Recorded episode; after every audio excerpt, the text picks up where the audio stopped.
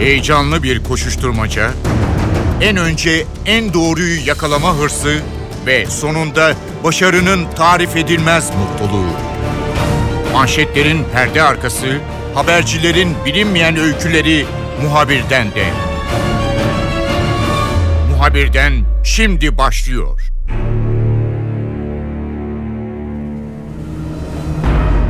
IŞİD en son korkunç yüzünü İspanya'da gösterdi. Suriye'de ve Irak'ta cephe kaybetmeye devam eden örgüt artık normalde bir terör örgütünün yapmayacağı tarzdan e, farklı bir takım eylemlerle tutunmaya çalışıyor. NTV program yapımcısı Mete Çubukçu'yla terör örgütünün bu Avrupa'da başlattığı eylem tarzıyla Orta Doğu'da, Irak ve Suriye'de ne yapmaya çalıştığını irdelemeye çalışacağız. Muhabirden başlıyor. Ben Kemal Yurteri.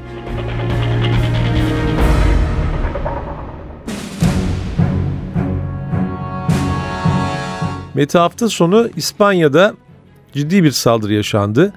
Bu defa silahlar kullanılmadı ancak Avrupa'da son dönemde gördüğümüz tarzdan bir saldırı. Bir araç sivil insanların, turistlerin hı hı. E, üzerine sürüldü. Şimdi IŞİD'in böyle bir operasyondaki amacı nedir? Tabii iş tarafından yapıldıysa ilk bulgular onu gösteriyor ama sonuçta bir terör evet. saldırısı olarak da adlandırabiliriz. Böyle bir so- saldırıdaki Amaç ne olabilir sence? Ne mesajı vermek istiyorlar? Şimdi IŞİD, DAEŞ e, özellikle Suriye'de, Irak'ta e, sıkıştığı oranda e, Avrupa'da özellikle Avrupa'da, Afrika'da uzun süredir de devam eden eylemleri de var. Eylemlerini yoğunlaştırdı. Tabii ki her gün anlamında değil ama eylem yaptığı yerlere bakarsak Barcelona bir öncekine bakıyoruz e, Londra bir önceki Manchester daha önce Berlin Nice diye geriye doğru gidiyor Avrupa'nın önemli yerleri. Yani eylem yapıldığı yerde gerçekten etki e, bırakan e, bir kısmı başkentler, bir kısmı önemli turistik, ticari merkezler. Hep şunu söylüyorduk. Özellikle Musul'da ya da şöyle diyelim Irak'ta, Suriye'de alan kaybettiği, sıkıştığı oranda farklı ülkelerde farklı eylem tarzlarına e, geçecek. Çünkü şunu da biliyoruz. E, Bağdadi yaşıyor mu yaşamıyor mu o da e, belli değil yaklaşık bir, bir buçuk yıl önce belki e, yayınladığı bir bildiride artık herkesin olduğu yerde kalmasını, kimsenin e, işte bu sözüm ona ilan edilen hilafet alanına, cihat alanına gelmemesini ve her türlü aracı bir tırnak içinde silah olarak kullanılabileceğini söylemişti. E, bunun bildirilerini biliyoruz. Bundan sonra işte bu Barcelona'da olan maalesef terör eylemi işte minibüs kalabalığın içine giriyor. İşte Nice'te kamyon hatırlarsınız 80 üzerinde insan hayatını kaybetmişti. Londra'da köprünün üstünde yine bir minibüs. Dolayısıyla ve ardından bıçaklamalar gerçekleşmişti. Ee, Bağdadi'nin bu her türlü aracı kullanabilirsiniz mesajı e, sanki Avrupa'daki bir takım birimlere işte kimileri terör uzmanları uyuyan hücreler diyor.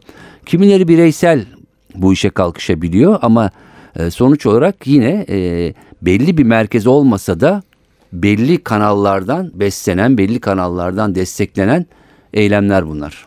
Şimdi tabii örgüt böyle bir takım yöntemler daha önce e, otomatik silahlarla hı hı. saldırıyordu. E, daha sonra böyle bir eylem tarzına başladı. İşte çok basit bir araba kiralayabilirsiniz ve bu tür bir kalabalığın içerisine e, saldırabilirsiniz. Evet. Şimdi tabii terör örgütlerinin de aslında e, geçmişteki bildiğimiz terör örgütlerinin de pek öyle başvurmayacakları tarzdan bir eylem bu. Yani doğrudan hiçbir hedef gözetmeksizin olduğu gibi bir sivil halka hedef almak sonuçta kendi içerisinde bir ideolojisi olan veya bir kendine göre bir tarzı olan diyelim artık bir terör örgütünün yapacağı bir iş değil. Şimdi işi tamamen kontrolden çıkmış vaziyette bir hareketler evet. içerisinde gibi gözüküyor. Hı hı. E, bu tarz eylemler yani Avrupa'daki yaptığı bu tarz saldırılarla e, sürekli mevzi kaybettiği Irak ve Suriye tarafında bir kazanım elde etmek istiyor? Hayır yani terör örgütlerinin genel prensibidir. Yani e, aslında kaybetmeye başladıkları zaman e, üzerlerine çok gidildiği darbe yediği e, zaman e, bu tür örgütler seslerini daha fazla duyurmak işte e, tabiri caizse biz hala ayaktayız e, mesajını vermek için maalesef bu tür eylemler düzenliyorlar. Yani IŞİD tarzı örgütler zaman zaman işte PKK bunları yaptı ya da başka e, tür örgütler DHKPC gibi eskiden gerçekten darbe yedikleri durumlarda terör eylemlerini arttırmışlardı. Ben IŞİD'in de böyle olduğunu açıkçası e, düşünüyorum. Çünkü e, Suriye ve Irak'ta e, o işte e, biraz önce dediğim sözüm ona hilafet e, rüyası bir defa bitti. Çok ciddi darbe yediler. Artık Avrupa'dan oraya bir akış e, yok. Zaten gelmeyin e, diyorlar. Yani o cazibe e, bitti ve son anda herkes Rakka'da artık e, ne olacağını bir şekilde bekliyor. Destekçileri yok mu? Çok ciddi destekçiler var. Maalesef avantaj şu son eylemlere baktığımızda e, mesela istihbaratta poliste çok e, bilinen kaydı olmayan e, bir takım insanlar çıkıyor, genç insanlar e, çıkıyor. Bunlara eylem e, yaptırılıyor. Seç, seçilen araçlarsa sonuçta polisten istihbarattan istihbaratın çok dikkatini çekmeyecek. Yani bir adam bir tane kamyonu alıyor. Yani sonuçta bir silah ve onun uzantısı patlayıcı vesaire yapmaya kalksa bir şekilde bir yere takılacaktır. Takılırlar da biliyorsun. Ama e, birisi bir araba kiralıyor ya da bir kamyonunu alıyor. E, hiç insanların tahmin etmeyeceği bir şekilde yolda yürürken e, bulvarda, köprüde üzerlerine şey yapıyor, sürüyor. Bu yeni bir tarz tabii ki.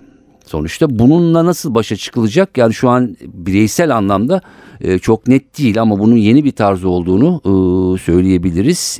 Sıkıştığı oran, oranda da demin söylediğim gibi bunlar giderek artacaktır ama şu var. Yani yapılan yerlere baktığımızda mesela Barcelona'ya bakıyoruz. Barcelona'da bir süre önce e, belki hani dinleyenler merak edip girerlerse çok büyük bir e, mültecilere destek yürüyüşü yapılmıştı. Yani burası sizin de eviniz diye Barcelona'da çok binlerce kişinin katıldığı bir eylemdi. Şimdi IŞİD tarzı örgütler bu tür eylemleriyle aslında bir şekilde bu işte İslamofobi dediğimiz, İslam düşmanlığı dediğimiz durumu tetikliyorlar. Bunu da istiyorlar aslında. Yani İslam'a karşı ne kadar çok tepki olursa aslında kendilerinin varlığını o kadar anlamlı hissediyorlar ya da e, kılıyorlar. Şimdi Barcelona seçilmiş olması da bu anlamda orada hani mülteciler burası sizin eviniz diye yürüyüş yapan insanların ya da turistlerin neyse o ama orada yapılan bir eylem e, bir anda insanların kafasında karıştırabilecektir. Yani orada e, mültecilere karşı olmayan insanlar da bu tür eylemlerle kafalarında bir takım soru işareti e, oluşacaktır. Ama şeyin amacı da zaten temel amaçlarından birisi aslında bu çelişkiyi arttırıp oradaki düşmanlığı bir şekilde körüklemek ve arttırmak. Yani dediğin gibi bir İslam karşıtlığını iyice kışkırtmaya çalışıyor ama bir yandan da tabii bu ülkelerdeki Avrupa'daki veya farklı bir yerde hangi ülkede bunu yapmaya çalışıyorsa oradaki insanlar nezdindeki varsa bile bütün sempatisini veya onlara karşı olan ilgiyi de ortadan kaldırmış oluyor. Şimdi e, Avrupa'daki Müslümanlar da e, çok saf insanlar değil. Yani sürekli kendi yaşadıkları ve bir şekilde hayatlarını sürdükleri bir kesimle kendilerini düşman haline getirmeyi bu kadar da kendisine vazife edinmiş bir örgüte karşı sempati Tabii ki beslemiyorlar. O Avrupa'daki Müslümanlar, Fransa'daki, Almanya'daki, e, İngiltere'deki Müslümanlar bu tür eylemlerin ardından defaten e, çok ciddi açıklamalar yapıyorlar. Örgüte mesafe e, koyuyorlar ya da e, hakikaten işte kendi bulundukları alanlarda hissettikleri sempati duyduğunu hissettikleri ya da bu tür eylemliğe hazırlanan insanlarla da hep mesafeliler bunu bir şekilde bildiriyorlar. Çünkü sonuçta o toplumun ıı, insanları ıı, ve hani İslamiyeti Müslümanlığın böyle bir şey olmadığını da aslında böyle bir şey değil tabii ki ama bunu da anlatmak zorunda bir daha kalıyorlar. Sırf bu tür ıı, eylemlerden dolayı böyle bir çelişki var tabii bir de. İşit anlaşıldığı kadarıyla Mete şimdi şöyle bir tablo düşünelim. E, Kuzey Afrika'da veya işte Orta Doğu'da ezilen veya geçmişte sömürge döneminde Avrupa'daki ülkeler tarafından kötü muamele görmüş. Bu ülkelerin işte intikamını alan veya Müslümanlara karşı Hı. olumsuz davranışların hesabını soran filan bir e, kimlik kazanmaya sanki bir ara çalıştı. Evet. Ancak bunu başaramadı. Evet. Şimdi tamamen daha farklı bir taktik izleyip bu defa insanları e, Müslümanları e, kışkırtacak şekilde bir takım eylemler içerisine giriyor.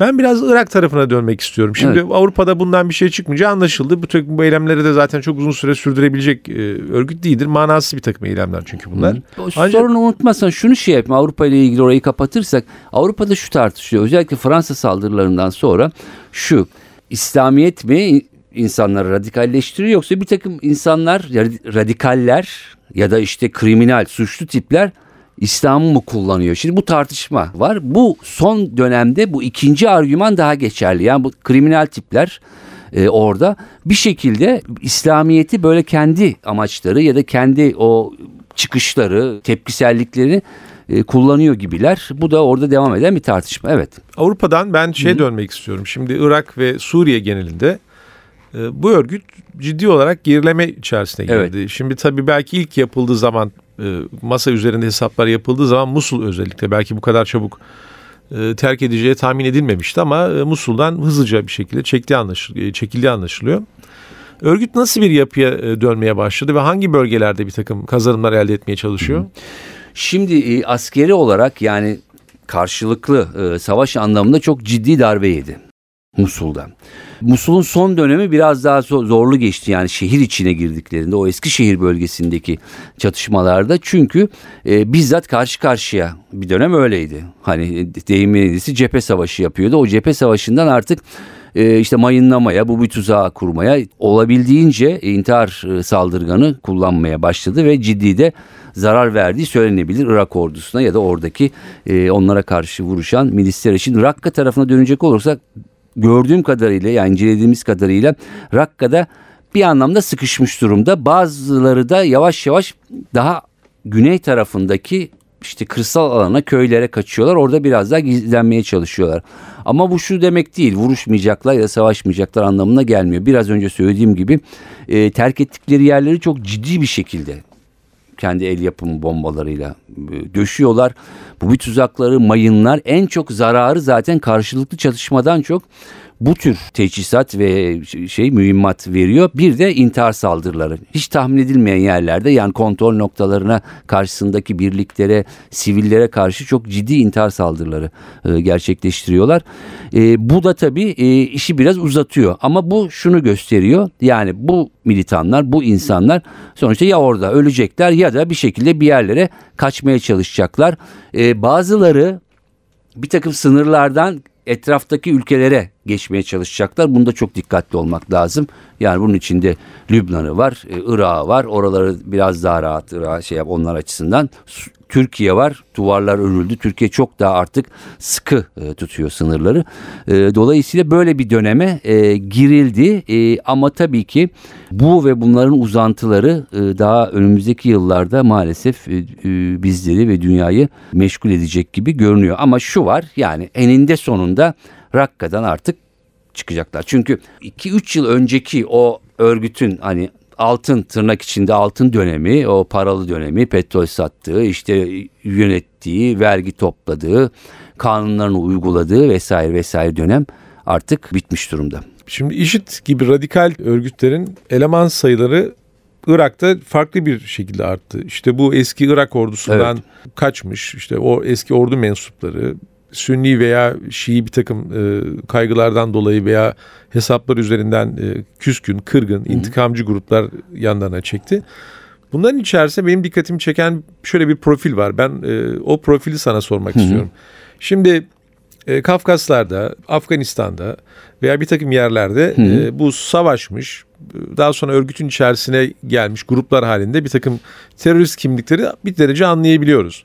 Örneğin Rakka'da kaybettikten sonra diyelim varsayalım. Peki bu düzenli aslında oranın yerleşik halkı olan, Evet. geçmişte işte Irak ordusu mensubu olmak gibi veya bir takım istihbaratçı her neyse e, böyle olan bir takım daha düzgün profiller var. Bunlar peki bu örgüt sonrasında ne yapacaklar? Zaten sorun orada. Yani örgütün bu kadar e, can bulması, bu kadar büyümesi, taban zemin bulması ilk e, anda e, bu problemlerden yani biraz önce dediğin Orta Asya'dan, Kafkas'tan, efendime söyleyeyim Kuzey Afrika'dan gelen e, militanların bir kısmı öldürüldü, e, bir kısmı kaçmaya çalışıyor, geri dönmeye çalışıyor. Zaten sorun onlardan çok oradaki sosyolojik yapının normale dönmesi. Normale dönmedikçe IŞİD gidecek başka bir teşkilat gelip ya da örgüt orada onun üzerinde yeşermeye, büyümeye çalışacak. Musul'da öyle oldu. Yani 2007'de El-Kaide vardı o zaman. Çok ciddi bir mücadeleyle oradaki aşiretleri örgütlediler ve onları e, bir şekilde püskürttüler.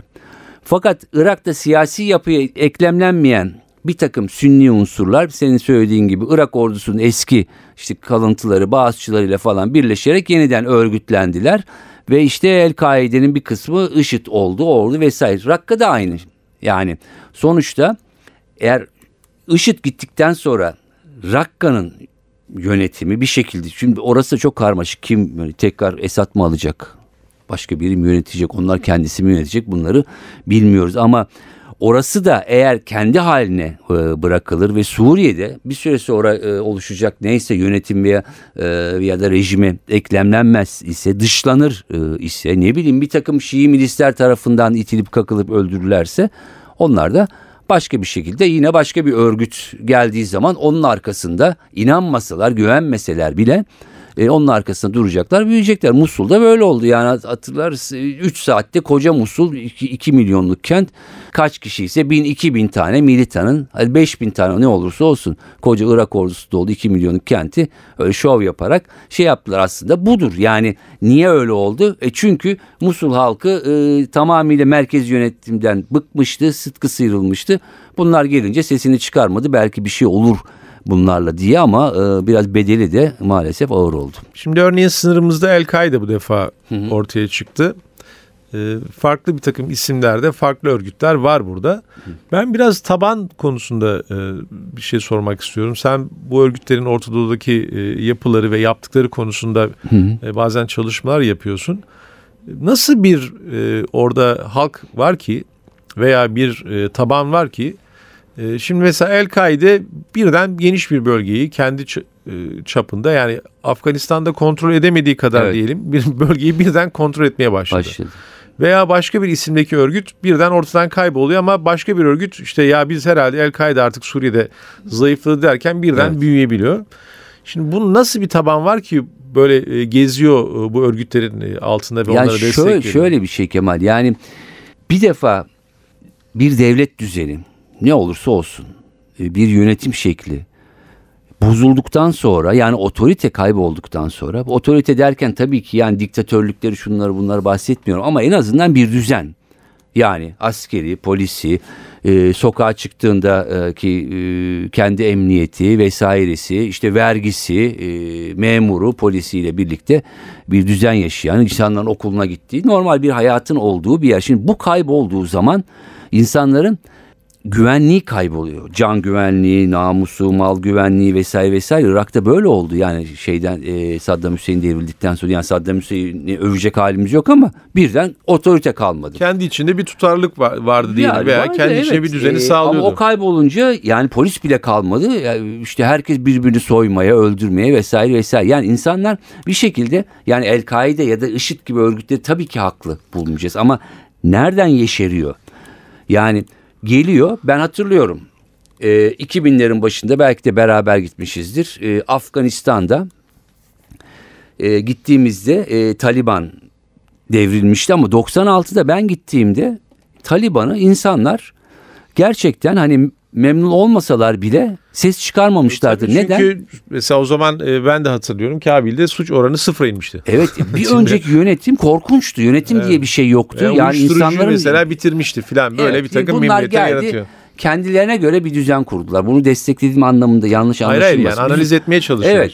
Şimdi şeyde de böyle oluyor Irak'ta da Suriye. Otorite kayboluyor. İnsanların herhangi bir güvenliği yok ve orada birisi çıkıyor işte ben diyor senin güvenliğini sağlayacağım, şeriat da uygulayacağım falan. O herkes susuyor. Bir süre bir süre sonra patlıyorlar tabii.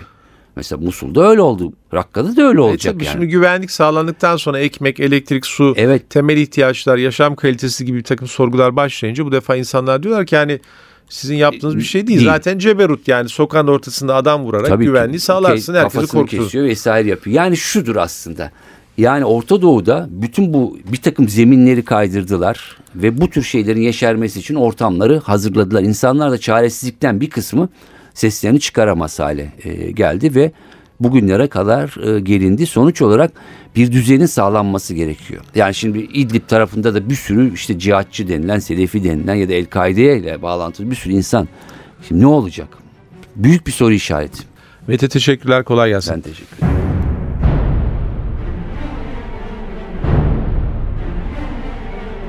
Muhabirden de bu hafta konumuz Irak ve Suriye'de cephe kaybeden terör örgütü IŞİD'in veya DAEŞ'in Avrupa'da gerçekleştirdiği eylemlerdi. Ben Kemal Yurteri, muhabirden de yeniden görüşmek üzere, hoşçakalın.